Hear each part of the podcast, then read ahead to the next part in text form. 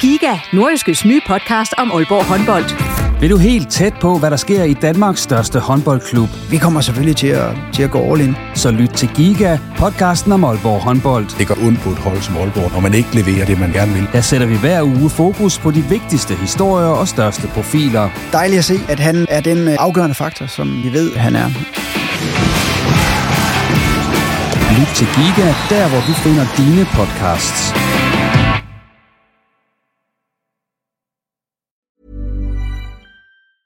There's never been a faster or easier way to start your weight loss journey than with PlushCare.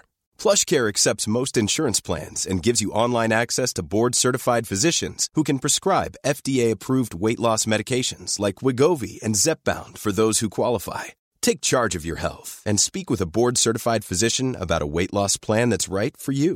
Get started today at plushcare.com slash weight loss. That's plushcare.com slash weight loss. plushcare.com slash weight loss. Hiring for your small business? If you're not looking for professionals on LinkedIn, you're looking in the wrong place. That's like looking for your car keys in a fish tank.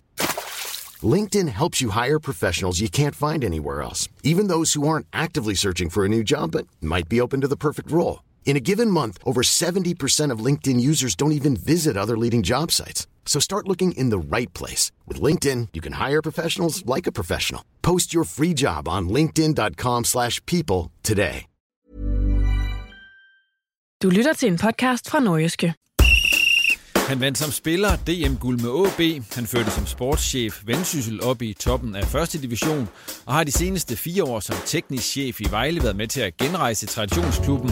Nu skal han så være agent. I den udgave af reposten, der kan du møde Jakob Kryer, som skulle have været forbi studiet, men det ender i stedet med at blive via internettet.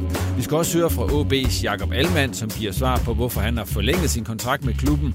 Vi skal en tur til Vendsyssel. FF og nedrykningsspøgelset banker på døren hos cheftræner Michael Schönberg og spillerne inden de sidste to kampe. Og så skal vi også en tur til Jammerbugt FC, hvor klubbens manager Bo Sink glæder sig over, at det nu er sikkert, at klubben får tysk ejer, og at man er meget tæt på at rykke op. Mit navn er Jens Otto Barsø. Velkommen. Og også velkommen til dig, Jakob Kryer. Jeg kan vel stadigvæk godt kalde dig teknisk chef i Vejle. Det kan du lidt endnu. Det er indtil 1. juni. Der er lige øh, to kampe tilbage og, og lidt træninger, så, øh, så mister jeg min titel. Ja, så bliver du agent. Men på den her dag, hvor vi optager, der skal OB øh, og Vejle mødes ude på øh, Aalborg Portland Park. Jakob, med din fortid og, og det hele, hvem holder du egentlig med i sådan en kamp? Ej, der er ingen tvivl om, jeg holder selvfølgelig med Vejle. Øh, det gør jeg. Altså, det er, det er også en klub, som, som også betyder meget for mig, så, så er jeg professionel landsat hernede stadigvæk en, ja, en 10-11 dage nu, så, øh, så jeg håber meget, at vi, øh, vi vinder i aften. Nu, øh, nu var vi så heldige og dygtige at indfri vores mål sidste søndag, så man kan sige, at den sidste del af sæsonen handler for os om at se, om vi på en eller anden måde kan, kan bevare dampen og så have en lille chance for at spille med om den syvende plads. Og skal vi have det, jamen, så skal vi jo vinde i aften. Og nu, øh, vi snakker om OB. Jakob, hvad er dit forhold egentlig til OB nu? Du har jo spillet øh, over 100 kampe for, for klubben, og, og var derude i rigtig mange år. Jamen, jeg synes, det er godt. Altså, det er jo en klub, som, øh, som du selv siger, jeg har været i rigtig mange år, som, øh, som, som betyder, ja, det betyder, det, det betyder meget for mig. Jeg holder altid med dem, når, når jeg ikke selv er involveret med, med den klub, jeg nu er ansat i. Så, øhm, så det er en klub, der betyder meget for mig, og det er jo en klub, som har, har for vane, måske ikke så meget på det sidste, men, men tidligere ansat folk, som har været i klubben øh, tidligere. Det betyder jo, at, at der, øh, der altid har været mange ansatte og tæt på klubben, som, øh, som jeg selv har spillet med i Bælum og Gorte øh, og, og Rasmus Vyrs, Augustinusen og, og hvad der ellers øh, har været. Så, så der er jo, det er jo en klub, hvor at selvom man har været væk øh, fra mit vedkommende siden 2004, så er der jo stadigvæk rigtig mange øh, mennesker, som, øh, som har været der i utrolig mange år. Det, det tror jeg gør det til sådan lidt en speciel oplevelse, hvis man er ude og se nogle 19 kampe, eller når jeg skal på stadion i aften, at, at så er det stadigvæk nogle af de samme kontrollører og nogle af de samme mennesker, som, som står derude, og det er, det, det er en en rar fornemmelse. Har du egentlig nogensinde været tæt på at komme tilbage til OB? Ja, det har været i øh, nogle enkelte omgange. Altså, jeg havde, da jeg var i, i Vendsyssel, øh, i starten af min Vendsysseltid, det må have været i ja, det ved jeg ikke, 5, 6, 7, 8 stykker havde nogle snakker med Lønge Jacobsen. Det var nu omkring noget trænerjob dengang på U19-17 øh, niveau. som, øh, som, som jeg ikke lige synes var, var det rigtige skifte dengang, men havde nogle rigtig fine snakke. Øh, og så øh, da øh, Lønge selv stoppede i, i 2013 også, øh, var jeg også inde i billedet der til, til sportschef øh, på det tidspunkt. Hvor tæt var det egentlig på?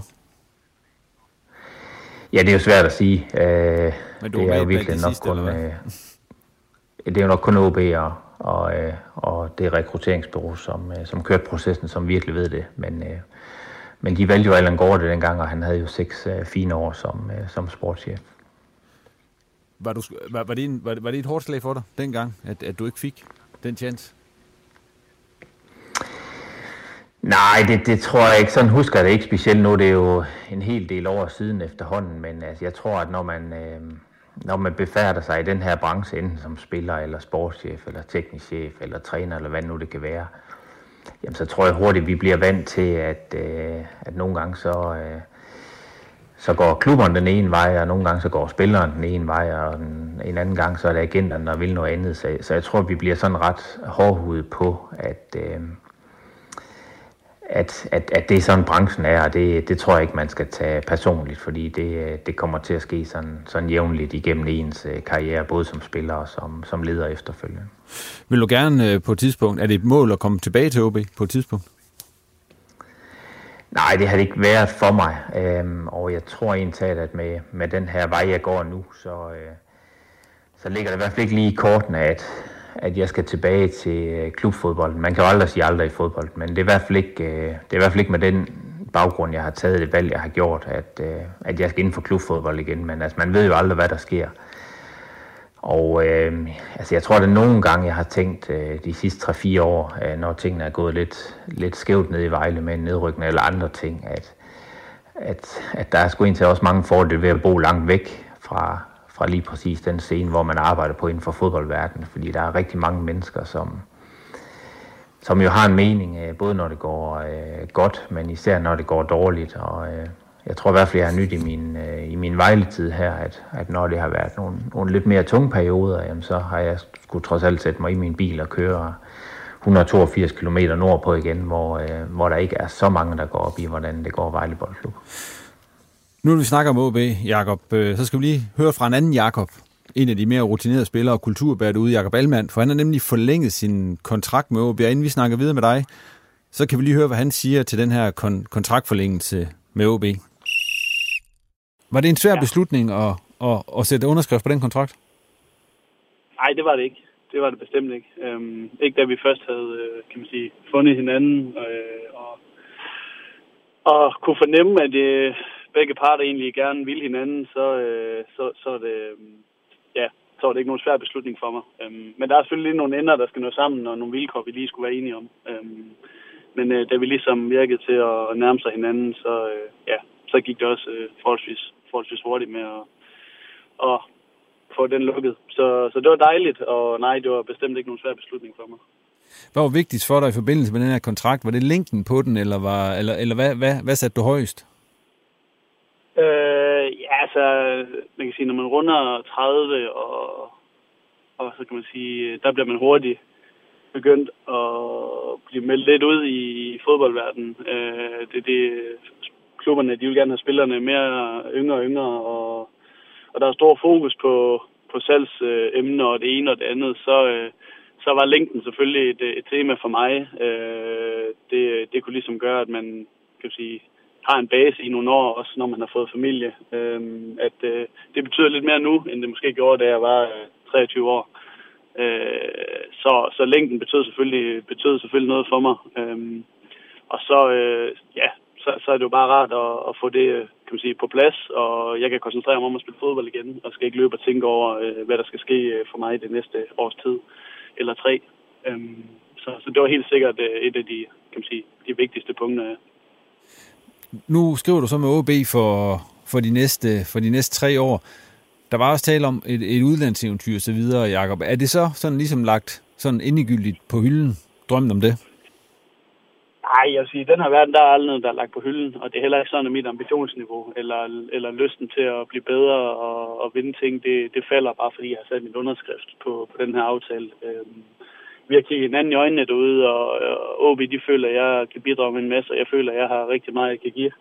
Øh, og det handler også øh, om at, at være der inde på banen, og ikke kun øh, betyde noget for klubben uden for banen. Så, øh, så et udlandseventyr, det er ikke noget, jeg sådan, øh, kan man sige, definitivt har, har lagt på hylden. Øh, jeg ved godt, at chancen og man kan sige, mulighederne måske ikke bliver bedre med alderen, men, øh, men jeg, jeg har ambitioner om at, at levere nogle rigtig gode præstationer, så, så må vi se, hvor det bærer mig hen. Men, øh, men hvis det bærer mig hen til nogle gode resultater i OB, og, og jeg bare øh, i, kommer til at skulle, skulle være her, jamen så er det sådan der, det, det er jeg også glad for. Så, øh, så på den måde øh, er det ikke noget, jeg kommer til at spekulere en hel masse over. Øh, men øh, man kan sige, at et udlandseventyr, det har måske været mere oplagt, når man var lidt yngre, end jeg er nu. Øh, men derfor har vi også set forskellige ting ske i den her verden, og det kan gå rigtig hurtigt. Hvad forventer du de tre år, der nu kommer, Jacob? Jeg øh, forventer og jeg håber på, at vi øh, kan, man sige, kan få noget mere stabilitet ind. Øh, jeg synes, vi har været meget svingende de sidste, ja, nu har jeg jo været med i mange år, men de sidste, skal vi ikke bare sige efter mesterskabet næsten, har det været noget svingende præstationer, nogle sæsoner, hvor det har været op og, op og nedture, som har gjort, at vi ikke rigtig har, har kan man sige, fået den der fodboldfeber tilbage i Aalborg og skabt nogle gode resultater, der, der har kastet nogle, øh, nogle, nogle ting af sig. Vi havde en pokalfinale, som vi smed væk sidste sæson, som vel var det nærmeste, vi var på at skabe lidt eufori igen. Ellers så har vi jo ligget og sumpet lidt i nogle 5., 6., ja, 7., 8., 9. pladser. En 10. plads tror jeg også, vi har fået, ikke? Øh, og, og der vil jeg da gerne være med til, at, at vi kan, kan man sige, at vi kan skubbe på og udvikle os som klub. Og, øh, og gerne få lidt fat i, i toppen igen. Øh, jeg siger ikke, at vi kommer til at skulle komme helt op og, og, og banke de to øverste inden, inden for de næste par år. Det er jo det, der er en drøm, men, men få noget mere stabilitet ind, så vi kan gøre os mere gældende i, i toppen af dansk fodbold, og ikke ligge og rundt, øh, hvor vi gør nu. Øhm, så, så det er det, jeg håber på, og så selvfølgelig har jeg en, en, en eller anden drøm om at løfte en pokal igen, øh, og der er jo to forskellige at vinde i Danmark, ikke? Så, øhm, så der må vi se, hvad, hvad der bliver mest realistisk. Øhm, men, men det må man, det må sige, man må aldrig og det gør jeg heller ikke. Og det kunne være fantastisk at, at tage en titel igen på et tidspunkt. Jakob, øh, nu er det ikke en hemmelighed, at du er nok den, ud, den trup, der er, der er ude i øjeblikket, der har været der, der længst. Øh, hvor meget har det fyldt i dine overvejelser, og hvad kommer det til at betyde for din rolle sådan i de tre år, der kommer, at det ligesom, at, at du er ja, nu er det Wirtz, der er ikke mere, Augo var der ikke mere, Pat, Patty var der ikke mere, og så videre. Altså, hvad kommer det til at betyde for din rolle? Øh, jamen, øh, at jeg får en, øh, kan man sige, en stor betydning, har en stor betydning derude, øh, og det er jo en rolle, jeg rigtig gerne tager på mig også. Øh, nu har jeg selv, øh, kan man sige, skulle til at sige, vokset op under nogle af de drenge, du nævner. Jeg har været ung spiller under, under nogle af, af de gode fyre der, som du nævner. Jeg ved, hvor meget det, det betyder for en truppe også, øh, især for de unge drenge, at der er nogen, der er der til at, kan man sige, bakke dem op og tage lidt hånd om dem, og som måske ja, hvor det betyder meget at være i klubben, og det går klubben godt, og man ikke kun kan man sige, tænker på sin næste lønseddel, men man egentlig også sætter en ære i, at det skal gå klubben og de unge drenge godt. Og det er en rolle, som jeg gerne vil kan man sige, tage på mig som en af dem, der, der kan være med til forhåbentlig at løfte nogle af dem, sørge for, at de falder godt ind og, og præsterer godt, så de måske kan komme videre ud, eller i hvert fald bare skabe en, en, en stor værdi for klubben. Så, så det er også en spændende rolle, synes jeg, at man, man føler, at man har et, et ansvar, øh, både på, men også uden for banen. Og øh, det er noget af det, jeg ja, også gerne vil bidrage med, og føler, at, øh, at jeg har noget erfaring efterhånden at, at give ud af. Så øh, ja, så det håber jeg da, at jeg kan, kan man sige, få nogen til at, til at vokse ud i klubben og, og blive et stort aktiv for os. Det var Jakob Allmann, der har forlænget sin kontrakt med OB frem til sommeren 2024. Hvordan ser du, at det vil godt for OB, at han, han bliver derude, som han også selv er lidt ind på? Ja, det, det synes jeg. Altså, Jakob er en, øh, en, en dygtig vensterbak, og vel øh, en af de bedre vensterbak i Superligaen. Det er der ingen øh, tvivl om. Øh, og vi fik selv hans øh, venstre hammer og føle her tidligere på foråret. Han scorede et fantastisk flot mål på Vejle Stadion. Så en, en dygtig vensterbak, som øh, uden tvivl nok havde, havde kunne gå endnu længere, hvis han havde sluppet for nogle af de der lidt slemme skader, han har haft. Men, øh, men for OB synes jeg, det er en, en vigtig forlængelse, altså en, en dygtig venstre bak, som, øh, som helt sikkert, øh, uden jeg har daglig dag derude, er en kulturbærer også i måden, man gør det på. Så det, det tror jeg er en forholdsvis vigtig forlængelse for dem. Vi snakker om din fortid i øh, AB her før, øh, Jakob. Det er jo ingen hemmelighed, du også havde rigtig, rigtig mange år op i Jøring, som i starten øh, det hed, hed Jøring IF, dengang du kom op, eller havde skiftet navn til FC Jøring. Det kan jeg faktisk ikke engang huske. Ja, det er noget, der hedder flere ting. Det hedder Jøring IF, og så hedder det FC Jøring, og så endte det i Vendsyssel FF. Yes. Men øh, som sagt, der var du oppe i, i rigtig, rigtig mange år, og øh, hvordan er det egentlig, og, altså, hvordan ser du på det i dag deroppe? Altså, hvad er dit forhold til, til Vendsyssel FF? Fordi du har vel nogle, nogle følelser stadigvæk for, for klubben, og har været med mm. til at bygge det op. Ja, altså for mig var det jo en, altså en, en, en fed tid, for jeg fik lidt lov at udvikle mig lidt sammen med klubben i at, at prøve de her ting af, hvor man er, hvor man er helt grøn, når man starter i, i en lidt mindre klub, så derfor kan man sige, kunne jeg få lov at vokse lidt sammen med klubben. Øhm, og derfor er det jo i forhold til min, mit, sådan mit professionelle virke, øhm, der jeg har været længst tid indtil videre. Og et sted, som jeg var, jeg var rigtig, rigtig glad for at være. Jeg tror, jeg var sportschef i ni et halvt år, øhm, og havde nogle andre roller undervejs. Og sådan er det jo at være i en, i en lidt mindre klub. Altså der, der, der er det lidt øh, flere ting, du får lov at prøve. Altså jeg var, har været cheftræner og assistenttræner og, og direktør en kort overgang. Øhm, og, og det er klart, det var en klub, som var under øh, ombygning, øh, eller opbygning hedder det vel, nærmere i, i mange år. Øh, og så kulminerede de jo i virkeligheden måske første året efter, at, øh, at jeg var væk fra med oprykningen til Superligaen der i, i 17-18. Så øh, selvfølgelig en klub, som, øh, som også betyder noget for mig. En klub, som, øh, som, jeg, har, som jeg har gode minder for, med, med både med spillere og, og rigtig mange dejlige mennesker, som var ansat i organisationen og, og frivillige. Og, og en fanskar, som jeg også kan huske altså helt tilbage fra 2007. Øh, de her små drenge, som stod og slog på trommer, som stadigvæk står her, her øh, ja, øh, 13-14 år senere. Så, så en, øh, også nogle rigtig gode minder fra Vendsyssel, det er der ingen tvivl om. Nu er du selv inde på det. Du var væk fra klubben lige inden. Altså, I var med i oprykningskampen der i rigtig, eller en tre, tre sæsoner eller sådan noget, hvor, hvor det var tæt på. Altså, hvordan havde du med at sige farvel på det tidspunkt, hvor du så gjorde, lige før det, det kulminerede med oprykningen? Sådan set i bagspejlet. Jamen, ja, altså, det er klart, set i bagspejlet havde, havde det, ville jeg gerne prøve at rykke op sammen med Vendsyssel, og især sæsonen, jeg kan ikke huske præcis, hvor, hvad for en sæson det er, men vi har en sæson, hvor der er tre oprykker til Superligaen, efter man ændrer strukturen til, til 14 hold, der gør, at der er tre direkte oprykker, og der ligger vi altså nummer et eller to ved vinterpausen med 6 points forspring og en kamp i baghånden. Og det, øh, det, det formår vi jo at formøble i løbet af, af foråret, øh, og det, det tror jeg sådan er sportsligt den største skuffelse, fordi vi havde klart holdet til at rykke op. Og jeg synes også, man kan se efterfølgende, altså der var, der er jo rigtig mange af de spillere, som jo tog videre og spillede Superliga. Horsens tog vel 4-5 stykker af dem øh, ret hurtigt, og som var med i deres øh, seks succesfulde år. Jeg tog selv med Greve med til Vejle og så videre. Så, så, så det var klart et hold, som burde have rykket op den sæson. Det, det tror jeg var en, en stor skuffelse. Og så kan man sige, at i januar 17, tror jeg det er, altså der sker jo noget nyt i, i Vendsyssel, øh, øh, hvor Jakob Andersen jo køber øh, klubben, eller i hvert fald køber aktiemajoriteten, og, og tager Erik Rasmussen med ind. Og øh, det, det var sådan mit sidste halvår i, i Vendsyssel, som, som var det eneste øh, periode deroppe, hvor, som, som var en lidt træls periode for mig. Altså det, øh, den, den ville jeg gerne have været foruden, og det tror jeg i princippet også gerne Vendsyssel ville have været. Så, øh, Hvad var det, der var træls ved det? Jamen, jeg tror, at når der kommer nye, øh, nye ejere ind, så vil de jo gøre det på, på deres måde, og øh, man skal egentlig for at tage en positiv vinkel på at sige, jamen, altså Vendsyssel, i, i de år, jeg var der, øh, i de ni år, har man jo kæmpet hårdt med økonomien, øh, stort set gennem alle ni år. Og for Vendsyssel var det helt sikkert økonomisk en rigtig, rigtig god øh, gave, at Jakob han kom ind, og man ligesom fik det økonomiske råderum og ro på til at, øh, til at kunne udvikle forretningen.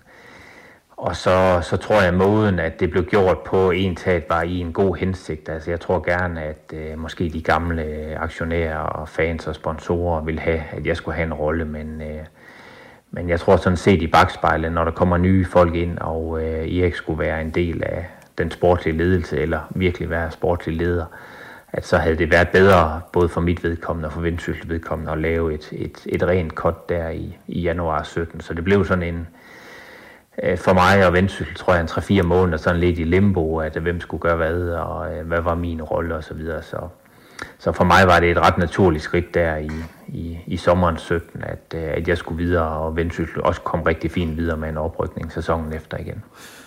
Hvordan havde du det med sådan, altså efter, ja man kan sige, du havde mange gode år deroppe, og så det sidste halvår, som blev lidt træls. Er det bare sådan, at det er i, i fodboldverdenen tit, det ender jo sjældent sådan lykkeligt, kan man sige.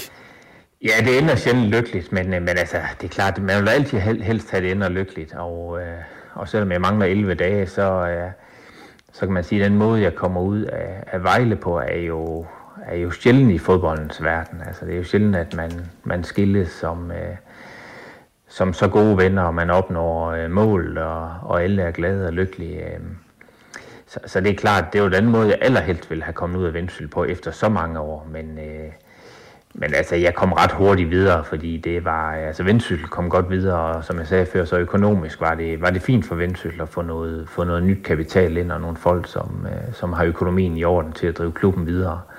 Og heldigvis så rykkede de da også op, øh, faktisk sammen med Vejle året efter, efter playoff-kampe. Øh, så, så for, for begge parter øh, endte det jo egentlig rigtig fint, øh, så, så det er jo i virkeligheden måske kun lige det her sidste halvår i, i foråret 17, som, som i hvert fald for mit vedkommende var, var lidt øh, problematisk. Men dengang du var der, Jacob, den, øh, i Vendsyssel, det gik I jo fra bunden af anden division. I var ved at rykke ud på et tidspunkt til at være en fast del af, af toppen i første division de sidste år, du var der. Altså, hvordan, hvordan lykkedes det at forvente det Jamen, på den det, måde? Det var, en, det var en speciel rejse. Altså, jeg, jeg, jeg blev jo sådan assistenttræner og sportschef i januar 2008, tror jeg. Og blev bedt om... Øh, at det, en af mine allerførste opgaver er, at jeg skal bede spillertruppen om at gå ned i løn. Og, øh, og i løbet af det forår vælger bestyrelsen at fyre Jens Peter Hansen, den, øh, den tidligere OB-træner også. Og jeg, jeg bliver selv cheftræner i, i det forår. Vi redder os først lige til allersidst. Og efter den sæson har vi faktisk kun to eller tre spillere på kontrakt. Jeg tror, vi har Christian Christiansen og Lasse Strandberg, og måske en mere. Og så får vi jo overtalt Ove Christensen til at gå ind og, og hjælpe med det her. Og Ove får via sit netværk overtalt nogle af de lidt aldrende spillere i Danmark, som uh, Jesper Andersen og Boris Jivkovic og Vasim Albana til at tage en tørn.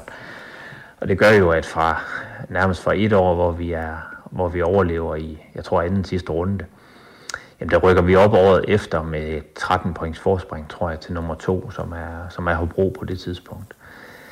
Og så har vi derefter nogle år, hvor vi hænger med røven i, i vandskorben i første division og klarer os på, næ, på sidste spilledag og næstvis spilledag. Øh, og så bygger vi lige så stille på hele vejen og bliver bedre og bedre, og så har vi, som jeg startede med at sige, der er en, en tre rigtig gode sæsoner, hvor vi er en del af toppen. Tæt på. Den ene, øh, det ene år tager vi playoff til Hobro, og, øh, og det andet år, øh, som jeg sagde før, der, der fører vi altså med 6 point før forårssæsonen, men men holder desværre ikke hele vejen hjem, så, så vi, vi kom op sådan og blev en del af toppen, og så kunne de heldigvis året efter tage det sidste skridt op til Superligaen. Nu er de så i, i første division efter at have været, været i Superligaen, som du siger, men nu kan de så risikere at komme, komme ned i den tredje bedste række igen, som så godt nok hedder første division fra næste sæson, men øh, stadigvæk er det, der svarer til anden division i dag. Altså, hvordan har det været at følge øh, Vendsyssel FF sådan fra sidelinjen i de seneste år, når man nu har det Jamen, forhold til klubben, det, som du har? Ja, men jeg tror, det har været øh, altså, mit, mit indtryk, øh, uden at, at vide, sådan, hvad der er foregået på de indre linjer, tror jeg har været ligesom alle andre, at, øh, det har virket sådan lidt kaotisk. Altså, der har jo været en del øh, trænere på vej ud og ind. Altså, man fyrede Jens Bertel lige før de her øh, playoff-kampe mod, øh, mod Horsens. Øh, og så har der jo været en, en hel del trænere ude og ind. Øh, og det ser ud til, at... Øh, at, at efter der også er kommet nye ejere igen her med, med, med de svejser i spidsen, som jeg, ikke, øh, som jeg ikke kender ret meget til, at det i hvert fald har taget noget tid, ligesom det har gjort i stort set alle andre danske klubber med udlandske ejere, at finde den her balance mellem, hvordan er det, vi gør tingene i Danmark, hvordan er det, at øh, udlandske ejere de skal agere øh, i forhold til at få succes i Danmark, og, og det, øh, det, det tager bare noget tid, øh, fordi der, der kommer muligvis folk ind med, med både penge, men også øh, netværk i orden tit. Men, men den her balance mellem at finde ud af, hvordan øh, tingene fungerer i Danmark, øh, også rent sportsligt, den er, den er svær, og det synes jeg, der er, det har vi set mange eksempler på herhjemme på, på klubber, som har svært ved at finde ud af. Lige inden vi fortsætter, Jakob, så øh, skal vi lige høre fra Vendsyssel FF, for med, med to kampe tilbage, så ligger de altså under nedrykningsstregen i øjeblikket, og der er lagt, lagt op til noget af en gyserafslutning på, på sæsonen. Og nu kan vi lige høre fra cheftræner Michael Schönberg, hvad han sådan har, har at sige til det hele. Michael Schönberg, to kampe tilbage, hvor det skal afgøres om øh, Vendsyssel FF, de redder sig i, i første division. Hvad er status lige nu inden de her to øh, kampe, der venter? Jamen, hvis det er det spillermæssigt, du tænker på, så, så har vi selvfølgelig et par slagskader, og vi har hvad hedder det, Timmy ude med, med karantæne, men øh, øh Timmy kan vi ikke gøre så meget ved, men, men de, de spillere, der har nogle små ting, det, det, det kan vi godt nå for repareret, så vi kommer med, med et slagfærdigt hold. Den seneste kamp her, øh, 2-2 efter I har ført 2-0, altså hvad har I snakket om, eller snakket om oven på den? Ja, men det var jo en kamp, som, som, øh, som hvor man var igennem øh, alle, alle følelsesregister. Øh, 2-0. Øh, øh, begynder at sætte og tænke på ude på bænken, og hvordan kan vi, kan, kan vi holde den hjem? Og så selvfølgelig, så, så, fordi så bliver det et helt andet kampbillede, hvor, hvor vi spiller 10 mod 11, og så vil jeg sige, øh, når kampen den er over, og, og man falder lidt til ro, så, så er det 2-2, det, det er egentlig okay. Nu de kamp, der venter, det er jo ingen hemmelighed, at det, det med, med kniven for struben, og der, der skal hentes nogle point, øh, og om ikke andet, så måske også to sejre. Hvordan sætter man truppen op til det? Altså, hvad, er der nogle bestemte knapper, man skal trykke på, eller, eller hvordan foregår det? Nej, altså prøv, alle ved jo godt, hvad det drejer sig om, og hvad, hvad der skal til. Øh, og, og det gør egentlig, at øh, du behøver ikke at sige så meget. Det, som der er vigtigt, det er, at, øh, at, at vi får gået nogle ting igennem om, hvad vi gerne vil. Og så er det øh, om at have friske spillere, om at komme med godt humør og, og, og tro på, at det vi laver, det, det kan lade sig gøre. I har hentet øh, fire point i de sidste par kampe, men så desværre så henter Skive og, og de andre hold omkring jer, jeg også point hele tiden. At, hvordan ser du den her bundstrid lige nu? Fordi det er vel lidt en speciel situation med nogle hold, der er reddet, og så nogle, der virkelig kæmper for, for at blive i rækken. Jo, men prøv at øh, vi skal ikke ud og grave efter undskyldning. Det, det, som det er, det vi skal forholde os til det, som det er. Vi har to kampe tilbage. Øh, men øh, når det så er sagt, så kan vi godt blive enige om, at strukturen den, den er sgu lidt mærkelig. At, øh, at der er nogle hold, der har noget at spille for, og i toppen, der har de ikke noget at spille for. Øh, det, det, er lidt underligt. Der kunne man godt have lavet en eller anden, øh, hvad skal man sige, en eller anden ting, som der har været spillet om 100.000, et eller andet, som også er mange penge i, i første division. Øh, når det så er sagt, jamen, så har vi os selv, og, og, og, og tak for, at vi er der, vi er, og ingen andre. Vi skal ikke ud og kigge efter nogen alibi, vi skal ikke ud og søge efter undskyldninger. Vi, øh, vi, skal, vi skal fokusere på os selv. Nu venter der så, øh, det er så et lokalopgør i jeres næste øh, ned i Hobro. Hvad, hvad forventer du af den kamp? Det er, jo ikke, altså det er jo selvfølgelig ikke så længe siden, I mødte dem senest. Jamen, det er jo det, der er det sjove i fodbold, det er, at man kan godt komme med en hel masse forventninger. Om så er det det, man får, det er så noget helt andet.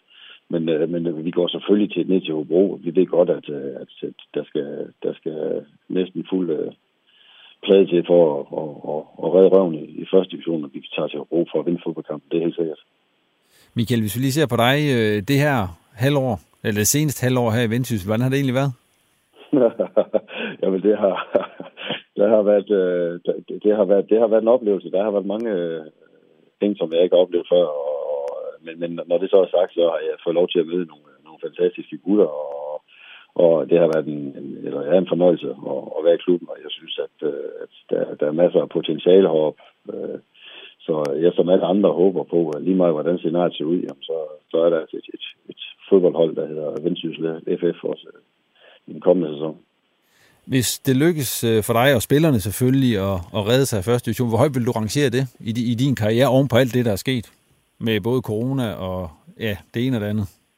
Jo, men prøv at høre, det, altså, det, det som der er ved det, det, det er jo, at det, det, det er jo noget, vi, vi er masser af mennesker, der er fælles om. Og, øh, og det, det vil selvfølgelig være, være øh, være en, en, en, en god en at have, hvis, hvis øh, når vi har klart øh, overlevelse, og vi, hvis, hvis vi spiller første division til næste år også. Men, men prøv at, det, det er jo ikke noget, jeg tænker på lige nu. Det, som jeg tænker på lige nu, det, det er jo kampen Og så må vi, øh, og så kommer der jo en kamp med bagefter, som vi skal gå ind arbejde hen imod. Så, så det er ikke noget, øh, som, som jeg siger. Selvfølgelig er det ikke på højde med, med tysk mesterskab, men, øh, men, men alle der er omkring, og alle der har været med til det her, de, de, de skal i hvert fald klappe sig selv på skuldrene bagefter. Det er helt sikkert ligegyldigt, hvordan det går. Er det her så øh, dine sidste to kampe i? Mom deserves the best, and there's no better place to shop for Mother's Day than Whole Foods Market. They're your destination for unbeatable savings, from premium gifts to show-stopping flowers and irresistible desserts. Start by saving 33% with Prime on all body care and candles. Then get a 15-stem bunch of tulips for just $9.99 each with Prime. Round out Mom's menu with festive rosé, irresistible berry chantilly cake, and more special treats. Come celebrate Mother's Day at Whole Foods Market. Synes eller, eller hvordan ser det ud? Jamen, jeg, jeg kan jo sagtens øh, forstå spørgsmålet, du stiller, men, men der er også øh, altså, så, så lang tid i, i, i fodboldens verden, at, at jeg kan jo godt forstå, at man ikke kan tage nogle øh, beslutninger, man ikke øh, kan planlægge, når der er sådan, der er to scenarier. Det, det kan sagtens være i. Så, så det, som jeg arbejder ud fra, øh, det er jo, at, at, at øh, vi klarer frisag den her gang, og så øh, må vi se, øh, når vi kommer frem til slutningen, hvordan det ser ud, og så må vi sætte os ned så, så snakke sammen og se, hvad fremtiden bringer.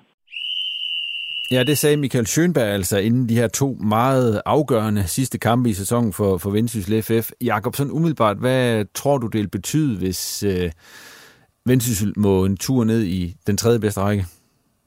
Jamen altså, det er, det, det er jo virkelig et svært spørgsmål, fordi det, er, det kommer virkelig nok til at afhænge meget af, af ejernes øh, vilje til at, at forhåbentlig hurtigt få klubben op igen, hvis det skulle ske. Fordi øh, der er ingen tvivl om, der er Altså, der er stor forskel på, øh, på interessen. Øh, det er ligesom de to bedste rækker i Danmark, der har, der har interessen fra tv og fra medier og fra, og fra fans og tilskuere osv., og, og selvfølgelig især Superligaen. Men, men første division er kommet rigtig godt med os. Så der er ingen tvivl om, at indtægterne øh, er jo betydeligt lavere i anden division, end de er i, i første division.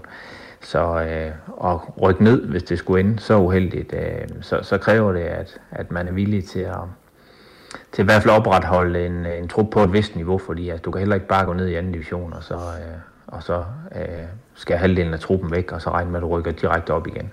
Så der er ingen tvivl om, at hvis det skulle ske, som, øh, som jeg tror ikke, vi håber for Vendsyssel nogen af os, så, øh, så kræver det, at man, man i hvert fald tager et år, hvor man, øh, hvor, hvor man satser så meget, at man er, man er så sikker, man nu kan være inden for sportens verden på at komme tilbage igen i første hug. Nu har du jo kendskab til, hvordan det er at skulle drive fodboldforretning deroppe, sådan, også uden øh, udenlandske investorer og, og ejere, der kommer ind udefra osv. Altså, er der fundament til, at man kan have et hold i den næstbedste række i Jørgensen, hvis man ser helt nøgteren på det? Ja, det, det vil jeg mene. Altså, øh, man kan diskutere, om der er et fundament for Superligaen øh, i Jørgen. Altså, det, det, kræver, det, det kræver rigtig, rigtig mange penge at være med i Superligaen, og det kræver stor interesse. Og, og også en, en, en pæn stor fanskar, så, så man kan selvfølgelig diskutere med rette, om der er om der er basis for et Superliga-hold, men altså, jeg vil bestemt mene, at der er basis for at drive et, et første divisionshold på et, et godt fornuftigt niveau. Det, det er jeg ret sikker på. Jakob, vi skal videre i, i teksten, og øh, vi startede med at sige, at du er teknisk chef lidt endnu nede i, i Vejle.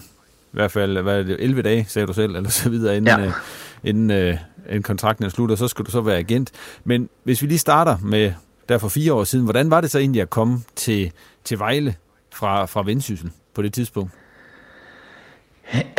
Jamen, en, en speciel oplevelse. Altså, jeg tror, man skal, man, man skal være i klubben, eller komme til klubben, for at finde ud af, hvor stor den i virkeligheden er. Altså, det er jo en klub, som, øh, som jeg tror, hvis man har en, en vis alder i Danmark, øh, måske vores alder opad, så, så er der rigtig mange mennesker, der har et forhold til, til Vejle Boldklub, og det er jo selvfølgelig især fra, fra tidligere tiders øh, meritter øh, og spillere, hvor at, at, at, at nogle af de spillere, der er på stadion, altså øh, Øh, Thomas Graversen og Ulrik Lefebvre og Sten Tykosen og hvad de ellers hedder, alle dem der, jamen det gør jo, at Vejle har en speciel plads ved mange, øh, ved mange fodboldelskere i Danmark for både have vundet en hel masse, men også for at spille noget god teknisk fodbold.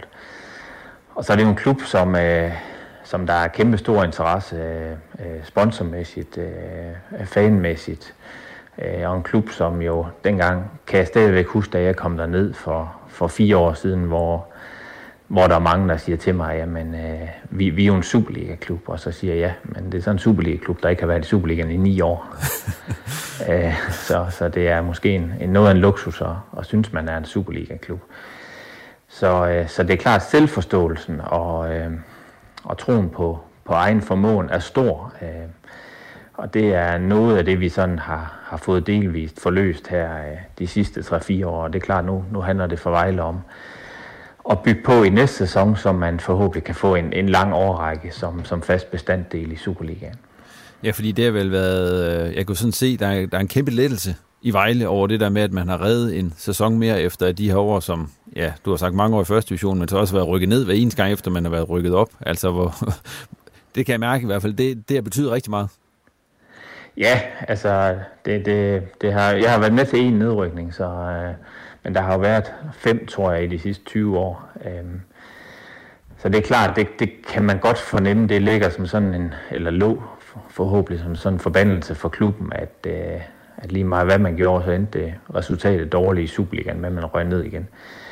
Øh, og det er klart, det, det gør det svært at, at drive forretning på den måde, hvis du hele tiden øh, rykker op øh, og rykker ned og rykker op og rykker ned, jamen, så er der både noget økonomi, som er som skifter øh, forudsætninger hele tiden, men der er også rent spillertrupmæssigt. Øh, jamen, så er der nogen, der er for gode til Superligaen, eller for gode til første division, og så er der nogen, der har spillet Superliga og ikke ret gerne vil i første division. Så det her med, at du kan få noget kontinuitet, og så forhåbentlig have det her hold i år, som har været, som har været godt, synes jeg, og så kan bygge yderligere på det næste år, så at, så at Vejle forhåbentlig kan, kan komme endnu læk, længere væk fra, øh, fra bundplaceringerne og, og måske komme op og få fat i, øh, i nogle af de næste hold, som, som jo gerne skal være målet.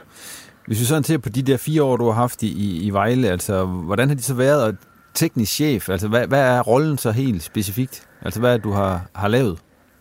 Ja, men altså det er sådan en... Øh, altså det er jo en rolle, som er, øh, som er, som er en hel del administrativ, og det, det tror jeg egentlig, at mange af, af dem, der sidder i tilsvarende stillinger, altså jeg tror folk de regner med, at vi sidder og ser øh, fodboldspillere hele tiden og ser træning og, og, og kun koncentrerer som transfervindue, men altså, der er rigtig mange administrative ting i, i mit job, altså man kan sige sådan helt grundlæggende er det jo at sørge for, at spillere og træner har de bedste betingelser. Og det er jo helt ned til, øh, til øh, fysisk træner, det er til sundhedsstab, det er til alle de her hjælpemidler, som, øh, som vokser hen over årene. Det er til vores øh, analysefolk. Hele tiden sørge for, at de har de rigtige værktøjer. Det er vores, øh, vores scouts. Hele tiden sørge for, at vi bliver optimeret på det og øh, har så godt øje på markedet som overhovedet muligt helt ned til nogle lavpraktiske ting, øh, som øh, gode træningsbaner, som øh, en god stadionbaner. Det er ikke lykkedes ret godt i år i hvert fald. Nej. Og øh, altså til, til forberedelse til kamp, øh, nu havde mit hold, de kom op i går aftes, øh, øh, selvom, selvom vi først spiller i aften. Så alle de her ting, simpelthen med at sørge for, at de har de bedste mulige betingelser for at præstere i det daglige, Øh, og så til kampe også, altså en stor del af det. Og så ligger der en del administrative ting i forhold til kontrakter, divisionsforeninger, DBU og FIFA og alle de her ting, der skal være på plads med spillercertifikater og jeg ved ikke, der er simpelthen så mange forskellige administrative ting, der, der, der skal være på plads. Så det har ligget i det. Og så kan man sige, at den sidste del, som jo, som jo er den, øh, folk koncentrerer sig allermest om, det er jo, det er jo spillertruppen. Øh, sørge for, at vi har den rigtige strategi. Øh, og nede ved, i Vejle Boldklub er det jo en strategi, hvor vi gerne vil have nogle dygtige udlandske spillere, vi vil gerne have nogle af vores egne akademispillere igennem, og vi vil gerne have nogle øh, danske spillere. Man sidder og holder øje med det, og, øh, og nogle gange, måske allerede her i foråret, kan man sige, at der, øh, der er balancen sådan ved at tippe lidt til den forkerte side. Altså vi, Øh, vi, vi, har, vi har måske lidt for få danskere lige nu i forhold til det, vi gerne vil have. Øh, og hele tiden sørge for, at, at det er så tæt på strategien, som, som det overhovedet kan være. Altså sidste år i, i første division, tror jeg så, vi havde øh, tæt på 20 skandinaver, i hvert fald ud af 24, så der havde vi måske lidt flere til den anden side, end det, der er normalt for os. Men hele tiden sidde og holde øje med det, holde øje med pipeline ned til vores øh, akademi, og så selvfølgelig have en dialog med øh, træneren og så vores øh, udlandske ejere, øh, danske ejere omkring øh, forskellige emner. Hvordan øh, skal, skal spillertruppen øh, se ud til næste år? Forhandlinger om køb og salg og, og, og kontraktforlængelser osv. Så, videre. så det, det tror jeg sådan er, er hovedopgaven i det. Sådan med årene, er der kommet mere papir og mindre bold, eller, eller hvordan er fordel, har fordelingen været? Ja, det, det tror jeg, der er. Uh, Altså for dit vedkommende? Det er, det er noget af det, jeg har brugt en del tid med min, med min afløser, Johan Sandal, at sige, det er en, en, en lidt farlig fælde at falde i, fordi det er, det er på en eller anden måde den øh, vej, som jeg tror, det kommer til at gå for mange her, at, at jeg kan godt ende med nogle gange efter en måned at sige, at det skulle for lidt øh, kampe, jeg har set øh, live og på video og øh, i fjernsyn i forhold til, til det, jeg gerne vil, og brugt måske lidt for meget tid på, på en masse administrative ting. Så det er i hvert fald noget, du skal have, have kraft i de mente, fordi der er ingen tvivl om, at, øh, at det, som jo er det vigtigste i dit job her, det er jo at sørge for, at du har et fodboldhold, som øh, både har de bedste spillere, men også de bedste betingelser. Og så derfor skal du være skarp på at, at vægte øh, fordeling af de arbejde, så du i hvert fald er helt sikker på, at, at det, der tæller allermest, er også det, du får brugt mest, øh, mest tid på. Hvad sådan, når du så skal se tilbage på, på de fire år nu, og du skal videre nu, hvad kommer du egentlig til at savne ved, ved Vejle? Jamen, jeg kommer til at savne den der øh, kæmpe passion, der er i området for fodbold. Øh, jeg kommer til at savne øh, det der stadion, som, som gynger fuldstændig magisk, når, når tingene kører for os. Øh, og jeg tror, jeg kommer til at savne den der store lykkeros, man har, når at, øh, når at man får sejrene i weekenden, og, øh, og man rykker op, og, og tingene bare lykkes. Og så tror jeg, jeg kommer til, håber jeg, at jeg kommer til at glæde mig lidt over, at, at et nederlag fredag aften øh, hjemme mod OB eller andre ikke kan ødelægge hele weekenden, men at øh, man måske, når man kommer over på den anden side af agentbordet, ikke helt er så involveret i, i et hold og deres succes, men så kan det være, at man har 10 eller 20 spillere, og så kan det være, at halvdelen taber og halvdelen vinder. Så, øh, så måske nogle lidt, lidt roligere weekender på, på plussiden, det, det håber jeg lidt på. Men, men den der passion og den der ting, når man er en gruppe spillere, trænere, ledere og ejere, som får, som får tingene til at lykkes sammen, og det bare er, er lykkeligt, det, det tror jeg, jeg kommer til at savne rigtig meget.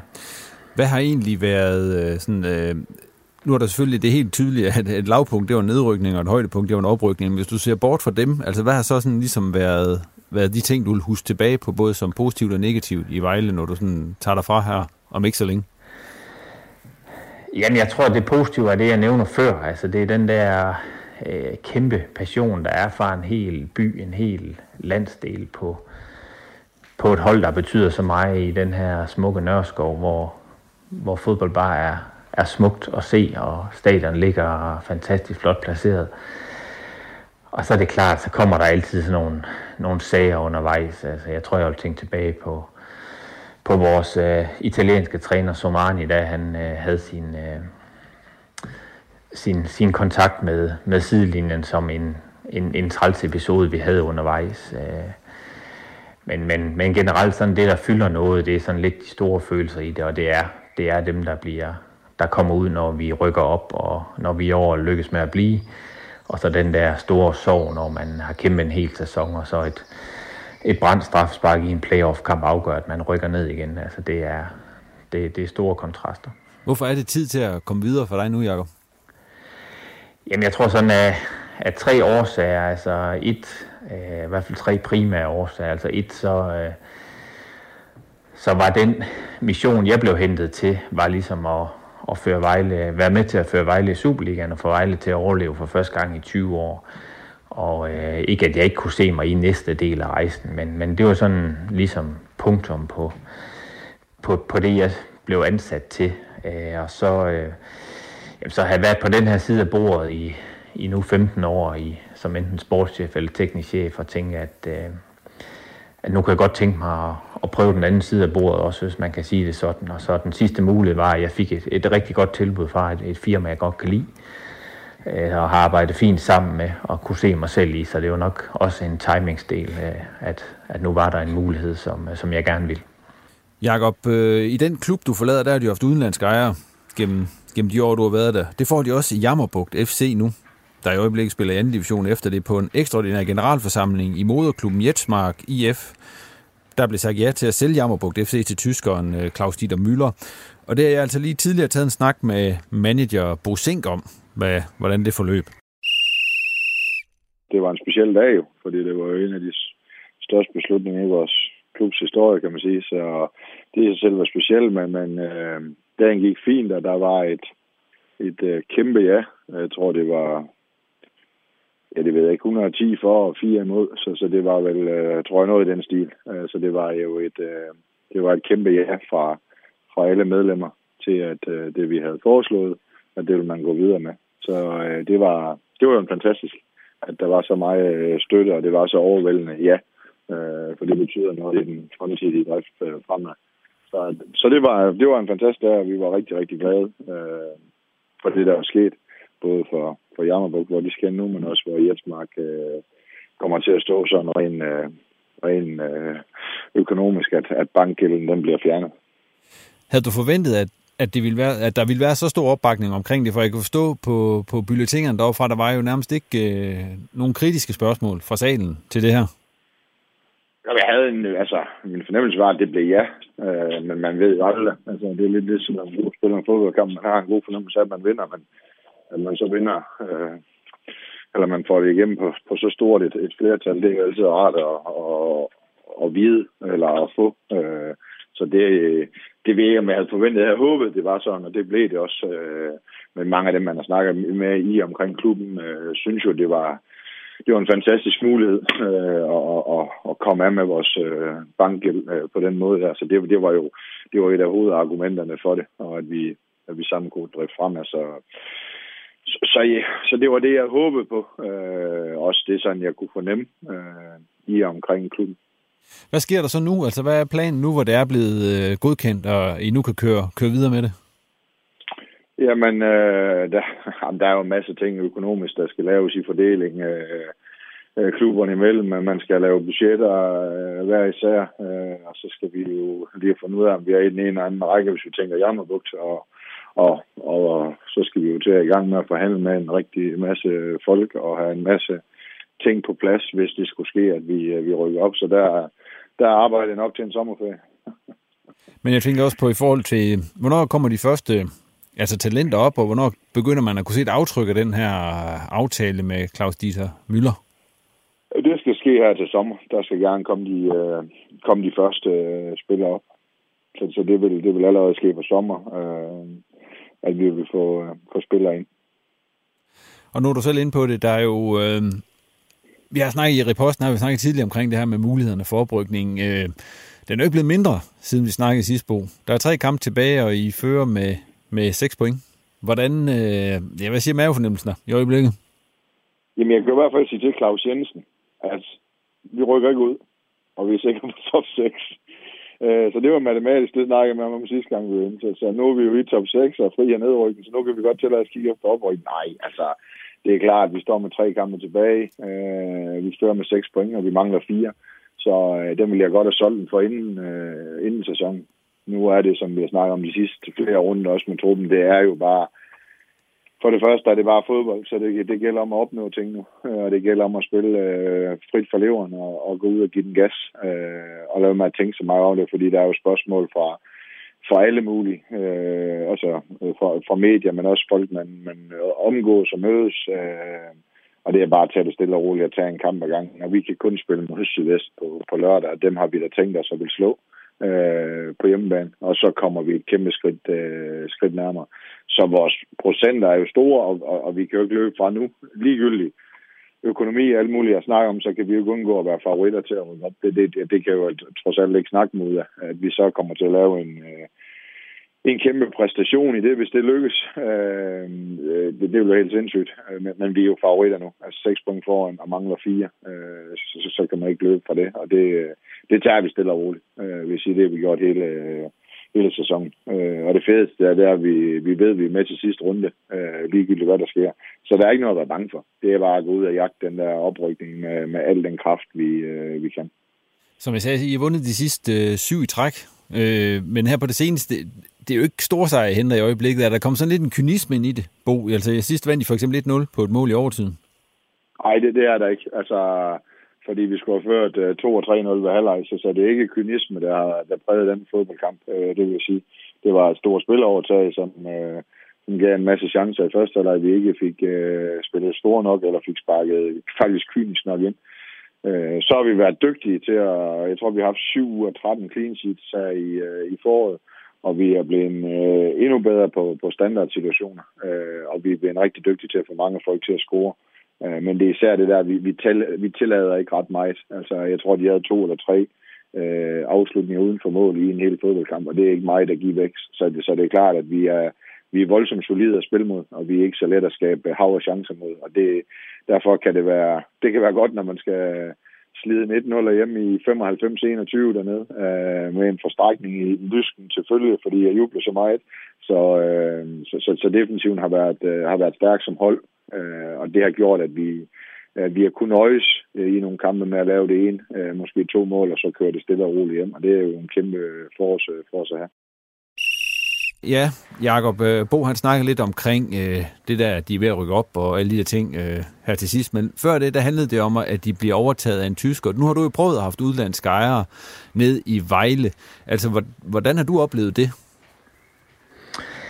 Jamen, hovedsageligt som positivt. Altså, øh, jeg tror, at min, øh, min, min ejer, Andrew Solotko, som er fra Moldavien, og hans, og hans øh, tætte partner Lukas Yin øh, fra Kina måske har, har et øh, har fået skudt noget i skoen, men mere på grund af, at de har en anderledes nationalitet, end, end de fleste har. Men, men altså for Vejle har de været øh, de to sammen med Claus Eskilsen, som man ikke skal glemme. Han har jo 40 procent af aktien i Vejle Boldklub, og, og et stort hjerte også for akademidelen. Altså har været fuldstændig fantastiske ejere for, for Vejle, både økonomisk, men også øh, med det netværk, de har bragt ind. Altså de, de, de spillere, Vejle har solgt i de her øh, øh fem år, de har været her, har været exceptionelt øh, øh, gode salg, og, og det er i høj grad deres netværk, som, øh, som både er med til at gøre, at Vejle kan sælge spillere, og Vejle kan sælge spillere til en rigtig høj pris. Men også, at øh, vi engang imellem kan finde de her øh, specielle spillere, som, som, som ikke så mange kender, men, men, men som har været rigtig dygtige, for eksempel i år med ham med Satulahi og, og med Dennis Kolinger, som, som også er kommet ind her i januar. Så for Vejle Boldklub er jeg slet ikke i tvivl om, at, at de her øh, tre, de har været øh, fantastisk for klubben. Og for mig sådan personligt har de, øh, har de været rigtig, rigtig fine at arbejde med. Der man har selvfølgelig altid øh, nogle, nogle diskussioner og kontroverser gennem fire år, men sådan helt overordnet, så, øh, så har jeg kun positive måde at sige på, hvordan de agerer i forhold til Vejle, og Vejle er, er sgu heldig stille med dem ved, ved roret, også i fremtiden. Det er jeg slet ikke i tvivl om. Men netop det er så måske også et af de gode eksempler på, på udenlandske ejere, for der er jo også skrækeksempler rundt omkring, øh, blandt andet Næstved, kan man sige, og så videre. Altså, hvad, nu er du også selvfølgelig fuldt med på sidelinjen med det her jammerbugt. Hvad, hvad tænker du om det? Jamen, jeg synes, jeg synes, det lyder spændende, og jeg har faktisk været i kontakt med Bo Sink også, og vi har aftalt til en kop kaffe, fordi selvfølgelig har vi nogle erfaringer øh, på det, og øh, jeg tror, mit, mit allerstørste råd øh, til dem, som, øh, som får udlandske ejere, det er at øh, altså virkelig prøve fra starten at forklare, hvad, hvad er det for en størrelse at komme ind i dansk fodbold. Fordi hvis der er én ting, jeg sådan skal se som fællesnævner for alle de her udlandske ejere, der er kommet ind i øh, Vejle, Næstved, øh, Vendsyssel øh, og nogle andre klubber også, jamen så er det, at de har, øh, især til at starte med, har svært ved at, at se, hvad er det for et niveau, øh, dansk fodbold er på, og det er højt. Altså, det betyder, at du kan ikke bringe spillere ind fra øh, nær og fjern, hvis ikke de har det rigtige niveau, fordi så kan de ikke være med her. Så jeg tror, mit allerbedste råd vil være, at se, om, øh, om de kan undgå den fejl, at en udlandsk ejer han undervurderer den danske liga, fordi øh, det, det tror jeg, de gør sådan helt generelt, og så kommer der nogle spillere ind til at starte med, som ikke har det niveau, øh, og så tager det for nogens vedkommende, som du selv ved næste de fandt aldrig balancen, og for andres vedkommende går det lidt hurtigere, men, men så hurtigt som muligt øh, få fat i, at, øh, at det er ikke så nemt at komme ind i dansk fodbold, og de spillere, der skal bringes ind udefra, de skal have et højt niveau for at gøre en forskel i Danmark. Det tror jeg er mit allerbedste råd. Jakob, vi går videre, og øh, det har, vi har været inde på, at du skal, skal være agent. Øh, så går du lidt over på, på det, der er nogen, der vil, der vil kalde the dark side. Ja. Øh, hvilke overvejelser har du gjort dig om at, om, at, om at gå over i den del af branchen? Jamen, jeg tror, jeg har gjort mig flere, flere tanker om det. Altså et, Øh, jeg kan jo se, hvor mange henvendelser jeg gennem de sidste mange år har fået fra, fra mange forskellige agenter, byråer på, på alle mulige forskellige medier, WhatsApp og LinkedIn og Facebook og mail og sms og så videre. Så, så jeg tror, jeg har en, en ret god idé om, hvad der virker i forhold til at approach klubberne. Øhm, og så er der ingen tvivl om, at jeg vil selvfølgelig benytte det netværk, som jeg har fået øh, hovedsageligt gennem Vejle hernede, det store internationale netværk de sidste fire år, kan jeg forhåbentlig benytte til, til stor gavn for de, for de spillere, som jeg skal prøve at hjælpe øh, videre ud i, i verden, eller forlænge med deres egen klub, eller hvad nu det kan være. Øh, og så tror jeg, jeg har en idé om, øh, hvordan klubberne tænker, hvordan man i virkeligheden kan, kan forhåbentlig lave nogle gode cases, som er, er gode for både spillere og klub. Hvad er en god agent? For nu har du sikkert også mødt rigtig mange dårlige agenter i din tid øh, som, som både sportschef og teknisk chef. Jamen altså for, for mig er det sådan to ting. Uh, altså jeg har haft mange af mine egne spillere og andre spillere, der de sidste fire år har spurgt mig, uh, hvad, hvad er det, uh, altså som har spurgt mig til råd omkring, uh, når de skal vælge igen, eller hvad jeg synes er vigtigt. Og der har jeg altid sagt to ting til dem, at sige, jamen uh, for mig er det vigtige, at I finder en, I kan stole på, uh, som altid varetager jeres interesser, og det er ikke altid nemt i den her branche. Og så skal de jo finde en, altså det er jo en, øh, det er jo en karriere, de har på 10, 12, 15 år max.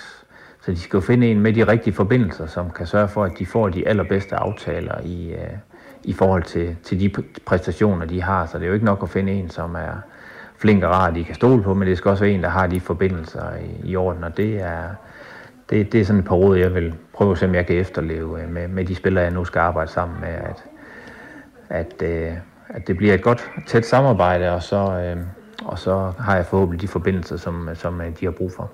Men hvordan har du sådan med at blive en af dem, som du måske selv har siddet og bandet langt væk igennem flere år? Ja, ja det, det bliver sgu specielt. Altså, jeg tror også, det bliver specielt det her med, at altså agenter henvender sig jo ofte til klubben, at nu skal jeg måske være den lidt mere opsøgende, opfarende i forhold til at få nogle ting igennem, men øh, men jeg har i hvert fald stor mod på at, at gå i gang med det, og jeg, jeg glæder mig til at lige få gjort de her to sidste kampe færdige, hvor vi heldigvis ikke har så meget på spil, og så øh, kommer rigtig i gang her den 1. juni allerede. Hvor skal du især operere hen, Jacob? Bliver det i Nordjylland, eller, eller hvordan? Hvor bliver dit arbejdsområde, kan man sige? Ja, det bliver nok hovedsageligt i Jylland, som, øh, som bliver, det, bliver det store, men, øh, men altså, jeg håber da, uden det lyder for højdragende, at jeg kan få øh, en stor del af, af verden som arbejdsplads i forhold til, til de spillere, jeg skal arbejde med. Jeg forhåbentlig kan hjælpe dem øh, nogle steder hen, hvor, hvor de både sportligt og økonomisk får, får opfyldt nogle af de ting, de gerne vil. Og det var så alt for denne gang. Tak til Jakob Kryer og de øvrige medvirkende for at tage sig tid til at snakke med os. Og også tak til dig for at lytte med. Har du kommentarer, ris eller ros, så bare kom med det på Twitter eller Facebook, hvor du selvfølgelig også meget gerne må følge reposten.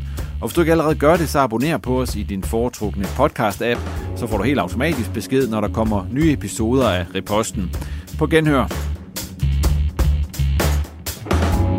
Du har lyttet til en podcast fra Norgeske.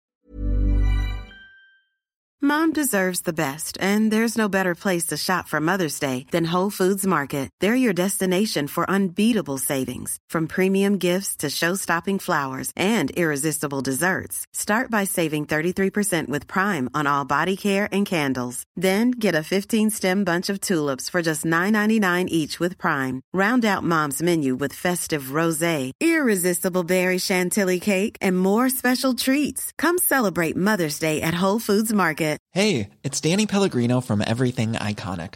Ready to upgrade your style game without blowing your budget? Check out Quince. They've got all the good stuff shirts and polos, activewear, and fine leather goods, all at 50 to 80% less than other high end brands. And the best part? They're all about safe, ethical, and responsible manufacturing. Get that luxury vibe without the luxury price tag.